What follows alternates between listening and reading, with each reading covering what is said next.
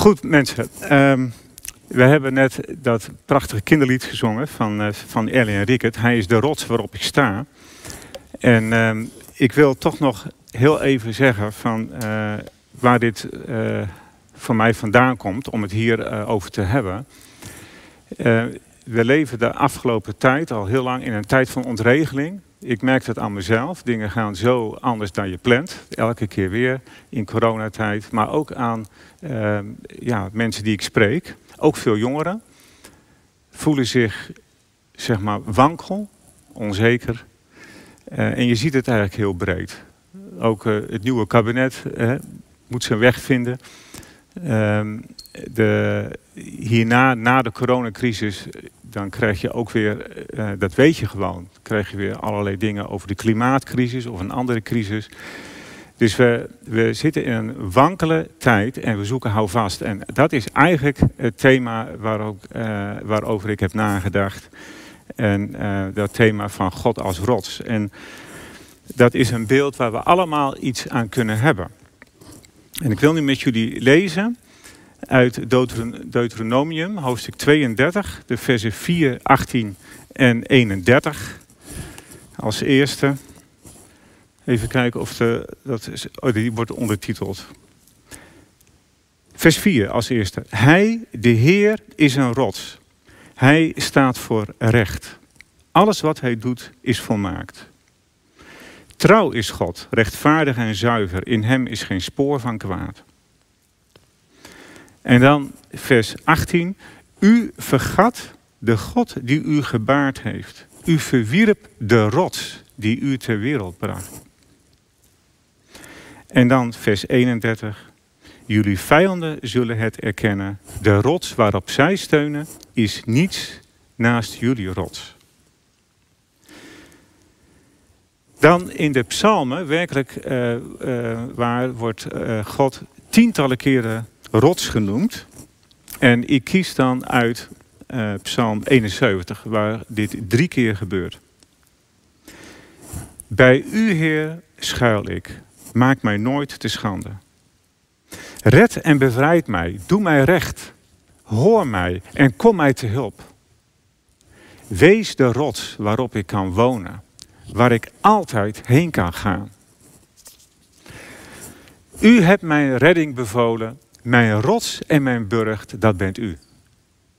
U bent mijn enige hoop, Heer mijn God. Van jongs af vertrouw ik op u.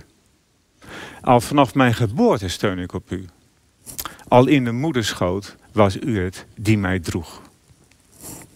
U wil ik altijd loven.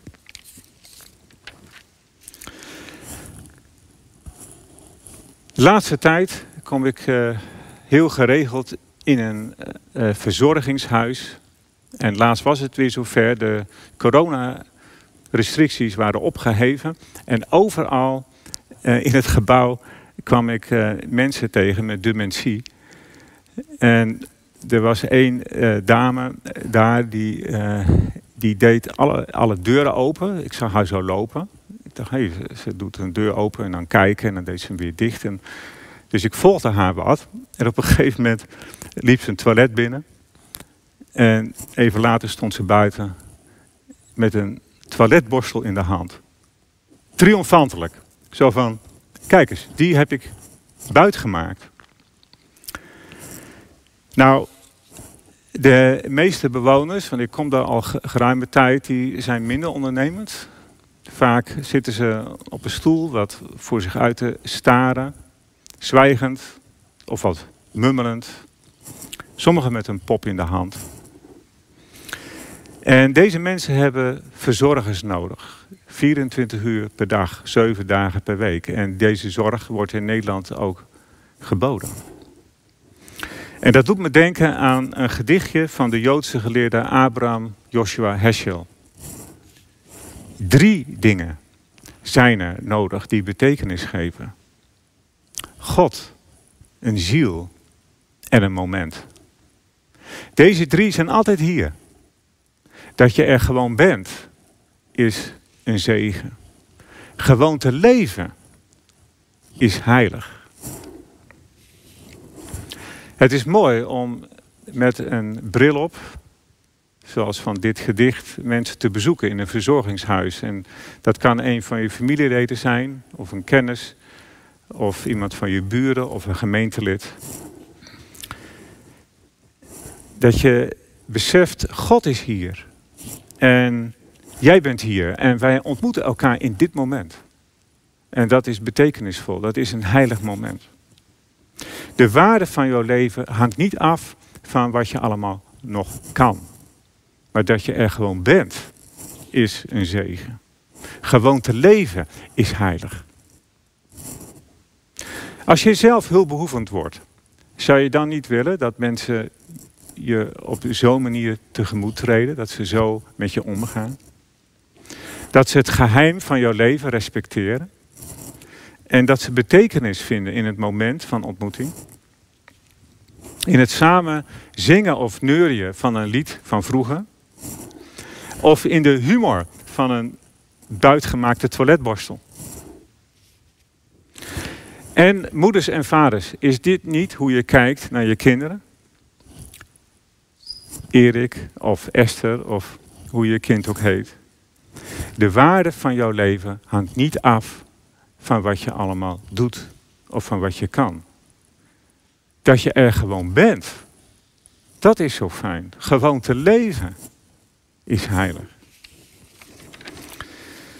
Als ouders wil je eigenlijk niet anders dan dat je kinderen op een gegeven moment beseffen op een heel diep niveau. Ik word bemind. Het is oké. Het is goed dat ik er ben. En daar hoef je hoef niets voor te doen. Je zou willen dat je kinderen zo'n fundament onder hun leven hebben. En zo'n fundament hebben we allemaal nodig. Als tiener heb je het nodig om te merken dat je oké bent. Juist als je jezelf niet oké voelt. Niet sociaal genoeg. Niet aantrekkelijk genoeg. Niet gevat of slim genoeg. Of iets anders wat je denkt te missen. Als je ziek bent en afhankelijk van de zorg die mensen je bieden. Als je niet weet hoe je toekomst eruit ziet. Dan zoek je een fundament onder je wankele bestaan. Als je vader of moeder bent van een kind dat andere wegen gaat. Ook dan zoek je naar stevige grond onder je voeten. Vooral op die momenten dat je gebukt gaat onder zorgen, verdriet en schuldgevoel. Dan besef je weer, wat wens ik hem, wat wens ik haar een stevige grond toe, een goede basis onder de voeten. En wat heb ik dat zelf ook nodig? Wij mensen, allemaal, hebben een fundament nodig, een stabiele basis. Of in de beeldspraak die de Bijbel ons aanreikt, een rots. Een rots waarop we ons levenshuis kunnen bouwen. Dit is een refrein door de hele, hele Bijbel heen. Ik laat even deze zien. Misschien ken je dit kinderlied. Vind ik ook heel uh, mooi. Een wijs man bouwde zijn huis op de rots. Zo begint Jezus een uh, bekende gelijkenis. En je kent vast het kinderlied. Nou, Mozes zingt ook een lied in de woestijn.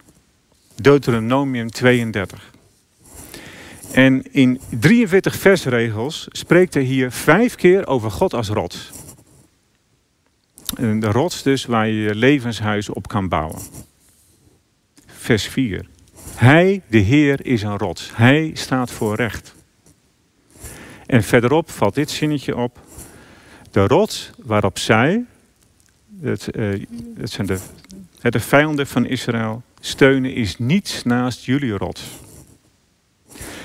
Kijk, de vijanden van Israël die steunen op een rots, net als de Israëlieten. Daarin zit niet het verschil tussen hen.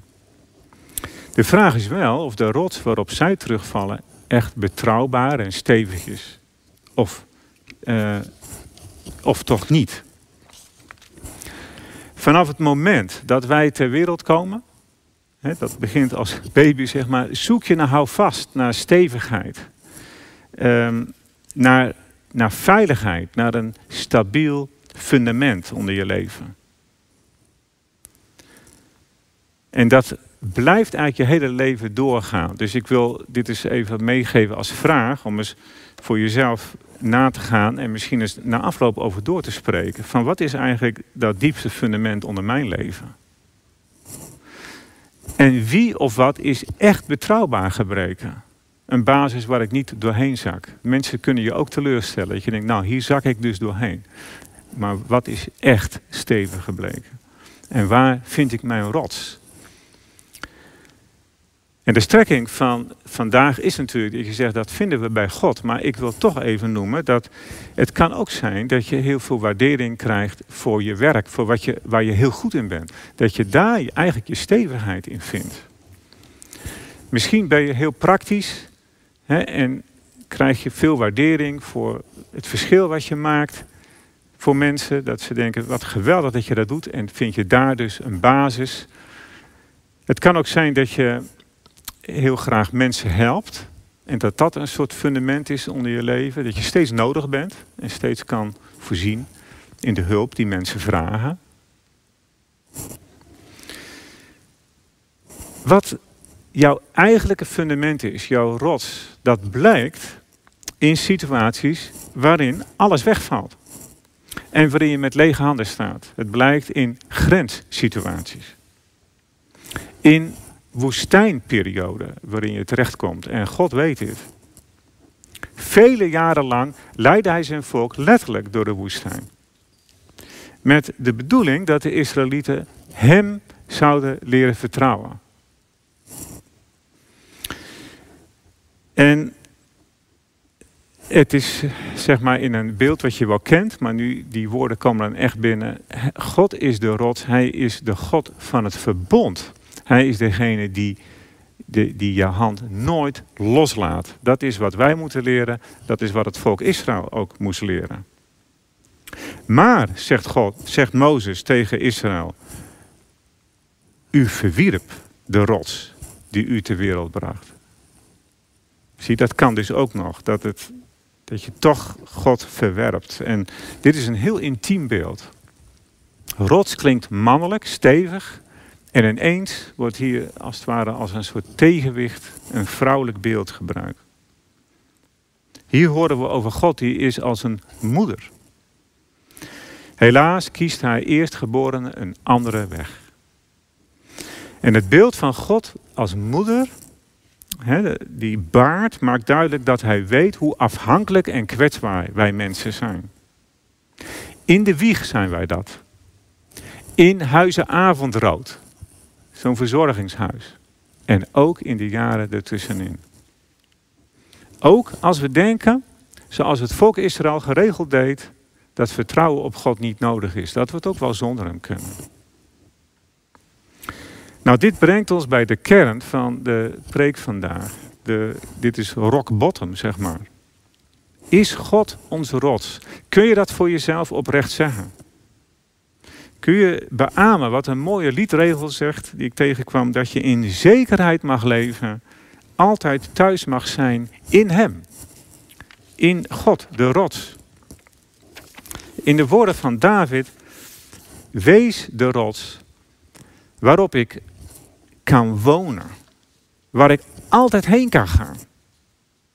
Dat is wat David bidt in Psalm 71, vers 3. Want zo heeft hij God leren kennen. En jij en ik, wij zijn ook altijd welkom bij God. We kunnen bij Hem terecht. Je mag bij Hem leunen. Je kunt op Hem wonen als op een rots. Nou, dat woordje rots verwijst naar meer dan alleen een grote, zware steen. Het gaat om een hoog plaats in een woestijnlandschap. Waar je kunt schuilen voor mensen. Of voor de stekende zon. Of de schrale wind. En een rots is veilig en stabiel. En die is er gewoon, wat er ook gebeurt. Op een rots kun je rekenen. Het is een betrouwbare bodem onder je voeten. En dit is wat, waar God ons toe uitnodigt. Om boven alles op Hem te vertrouwen. Profeet Jezaja zegt het zo, vertrouw altijd op de Heer, alleen op Hem, want de Heer is een rots. Sinds mensheugenis, dus zolang als je kan bedenken. En God zelf gebruikt ook het beeld van de rots om zichzelf bekend te maken. Is er een God buiten mij of een andere rots? Ik ken er geen. Oftewel, ik ben de basis waar je niet doorheen zakt. Ik ben je rots. En ik spaar je niet voor woestijnperiode. Dat niet. Maar in die woestijn ben ik je rots. En David heeft in zijn leven veel woestijnperiodes meegemaakt. schrijft hij openlijk over. U hebt mij doen zien veel ellende en nood. En op het moment van schrijven zit hij opnieuw in de problemen. Red mij en bevrijd mij. Doe mij recht. Hoor mij en kom mij te hulp. Hij heeft God steeds als adres, hoor je dat? Nou, stel nou dat God reageert op deze uh, roep om hulp. Hoe zou hij dat doen? Wat zou er gebeuren, denk je? Nou, ik vermoed dat je, als je erover nadenkt, denkt, nou ja, waarschijnlijk komt iemand hem te hulp. en dat denk ik ook. Meestal, uh, in mijn ervaring ook, werkt God door mensen heen. Dat je net even de, ja, de hulp krijgt. Het kan ook in kleine dingen zitten soms, een kaartje of zo, dat je denkt, dit helpt mij nou weer. En zo uh, denk ik dat uh, ja, God dus ook ons wil gebruiken om tot steun te zijn voor anderen. Dus ik wil ook deze vragen stellen. Misschien dat je zegt, nou weet je, ik weet, een hoop mensen hebben het moeilijk, zijn ontregeld en zwaar, maar mijn leven loopt eigenlijk wel aardig op rolletjes. Dan wil ik je deze vraag stellen. Als je zo uh, denkt van, voor wie kun jij tot steun zijn? Als persoon of als gezin? En voor wie kun jij een rot zijn? Ook als gemeente. En dus dat is ook, vind ik, hier een beeld wat, uh, wat belangrijk is, dat we ook anderen tot steun zijn. Steunend op God, onze rot. En David benoemt ook eerlijk zijn angst dat uh, God hem in de steek laat. Verstoot mij niet nu ik oud word. Verlaat mij niet nu mijn kracht bezwijkt. En ik wil daar ook uh, zeggen van dit gebeurt ook. Dat je soms die gevoelens kunt hebben van bent u er echt? Ook in deze woestijn. En ook met die vragen kun je bij God terecht. Het, de gedachte is heel simpel. Als ouders wil je graag er zijn voor je kinderen. Ze mogen alles tegen je zeggen. Altijd kunnen ze bij jou terecht. En dat is bij God niet anders. En David, die realiseert zich dat heel goed. Al in de moederschoot was u het die mij droeg. Al vanaf mijn geboorte steun ik op u.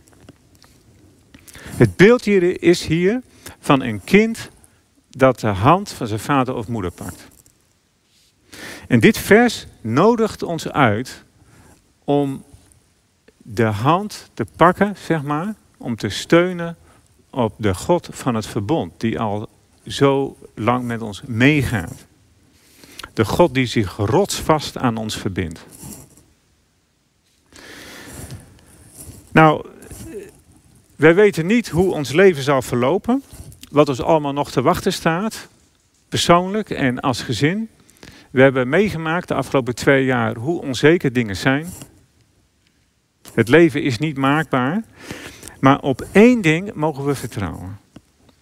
Namelijk dat God tegen ons zegt: ook al loopt jouw pad hè, door de woestijn. Ook al loop je pad door een dor en droog landschap. Ook daar ben ik je rots. En ik kwam dit tegen bij, uh, in uh, Negro Spiritual. My God is a rock in the weary land. A weary land is een uitgedroogd landschap. En ik heb dat wat bestudeerd, hoe zwarte slaven in de 19e eeuw in Amerika, 20e eeuw, is daar, ook nog, heeft dat doorgewerkt echt een vreselijk moeilijk leven hadden. En zij zongen het uit. In, dit land, in dit, deze woestijn waarin ik ben, bent u God, mijn rots. En um, ja, de, mijn schuilplaats in de storm. En ik vind dat zo indrukwekkend. Ik denk, dit is zo doorleefd. En zo hebben ze dat generaties vol doorgehouden. Echt steunen op God, onze rots. En dat mogen wij ook doen. En ik wil nu uh, twee, eindigen met twee uh, fragmenten waarin Jezus centraal staat. Jesus is a rock in a weary land. En het eerste, eerste muziekfragment dat volgt nu.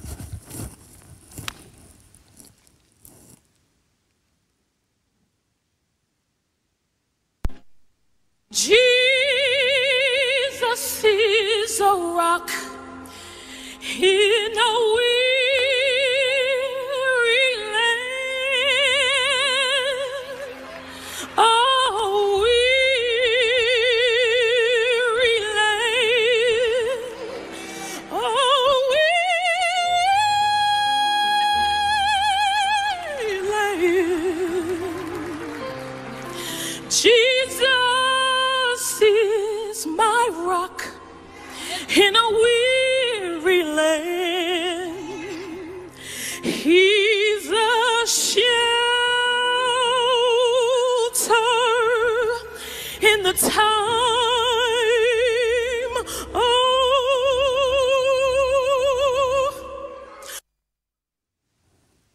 Even een cliffhanger. Dit is zo mooi, zo doorleefd. En ja, dit is ook iets wat echt alle generaties kunnen zingen. Ook de tieners. Dus nu nog een klein fragment waarin je ook de jongeren ziet van Jezus is onze rots, ook in de woestijn.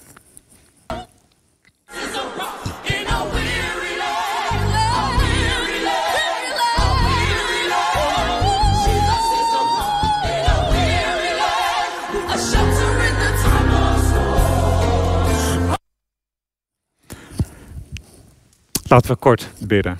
Heren, u bent onze rots. Het is zo eh, duidelijk getuigenis uit de Bijbel en dan door de eeuwen heen, Heer. Ook mensen die echt die woestijnperiode hebben meegemaakt, die bidden en die zingen dat u onze rots bent. En in het Nieuwe Testament lezen we, Heer Jezus, dat u met het volk Israël bent meegegaan en dat u de rots bent waaruit ze dronken en dat u ook onze rots bent. En dat willen we hier ook beleiden. U bent onze rots. We vertrouwen op u, wat er ook gebeurt. We willen u eren en ons leven in uw handen overgeven. Geprezen zij uw naam. Amen.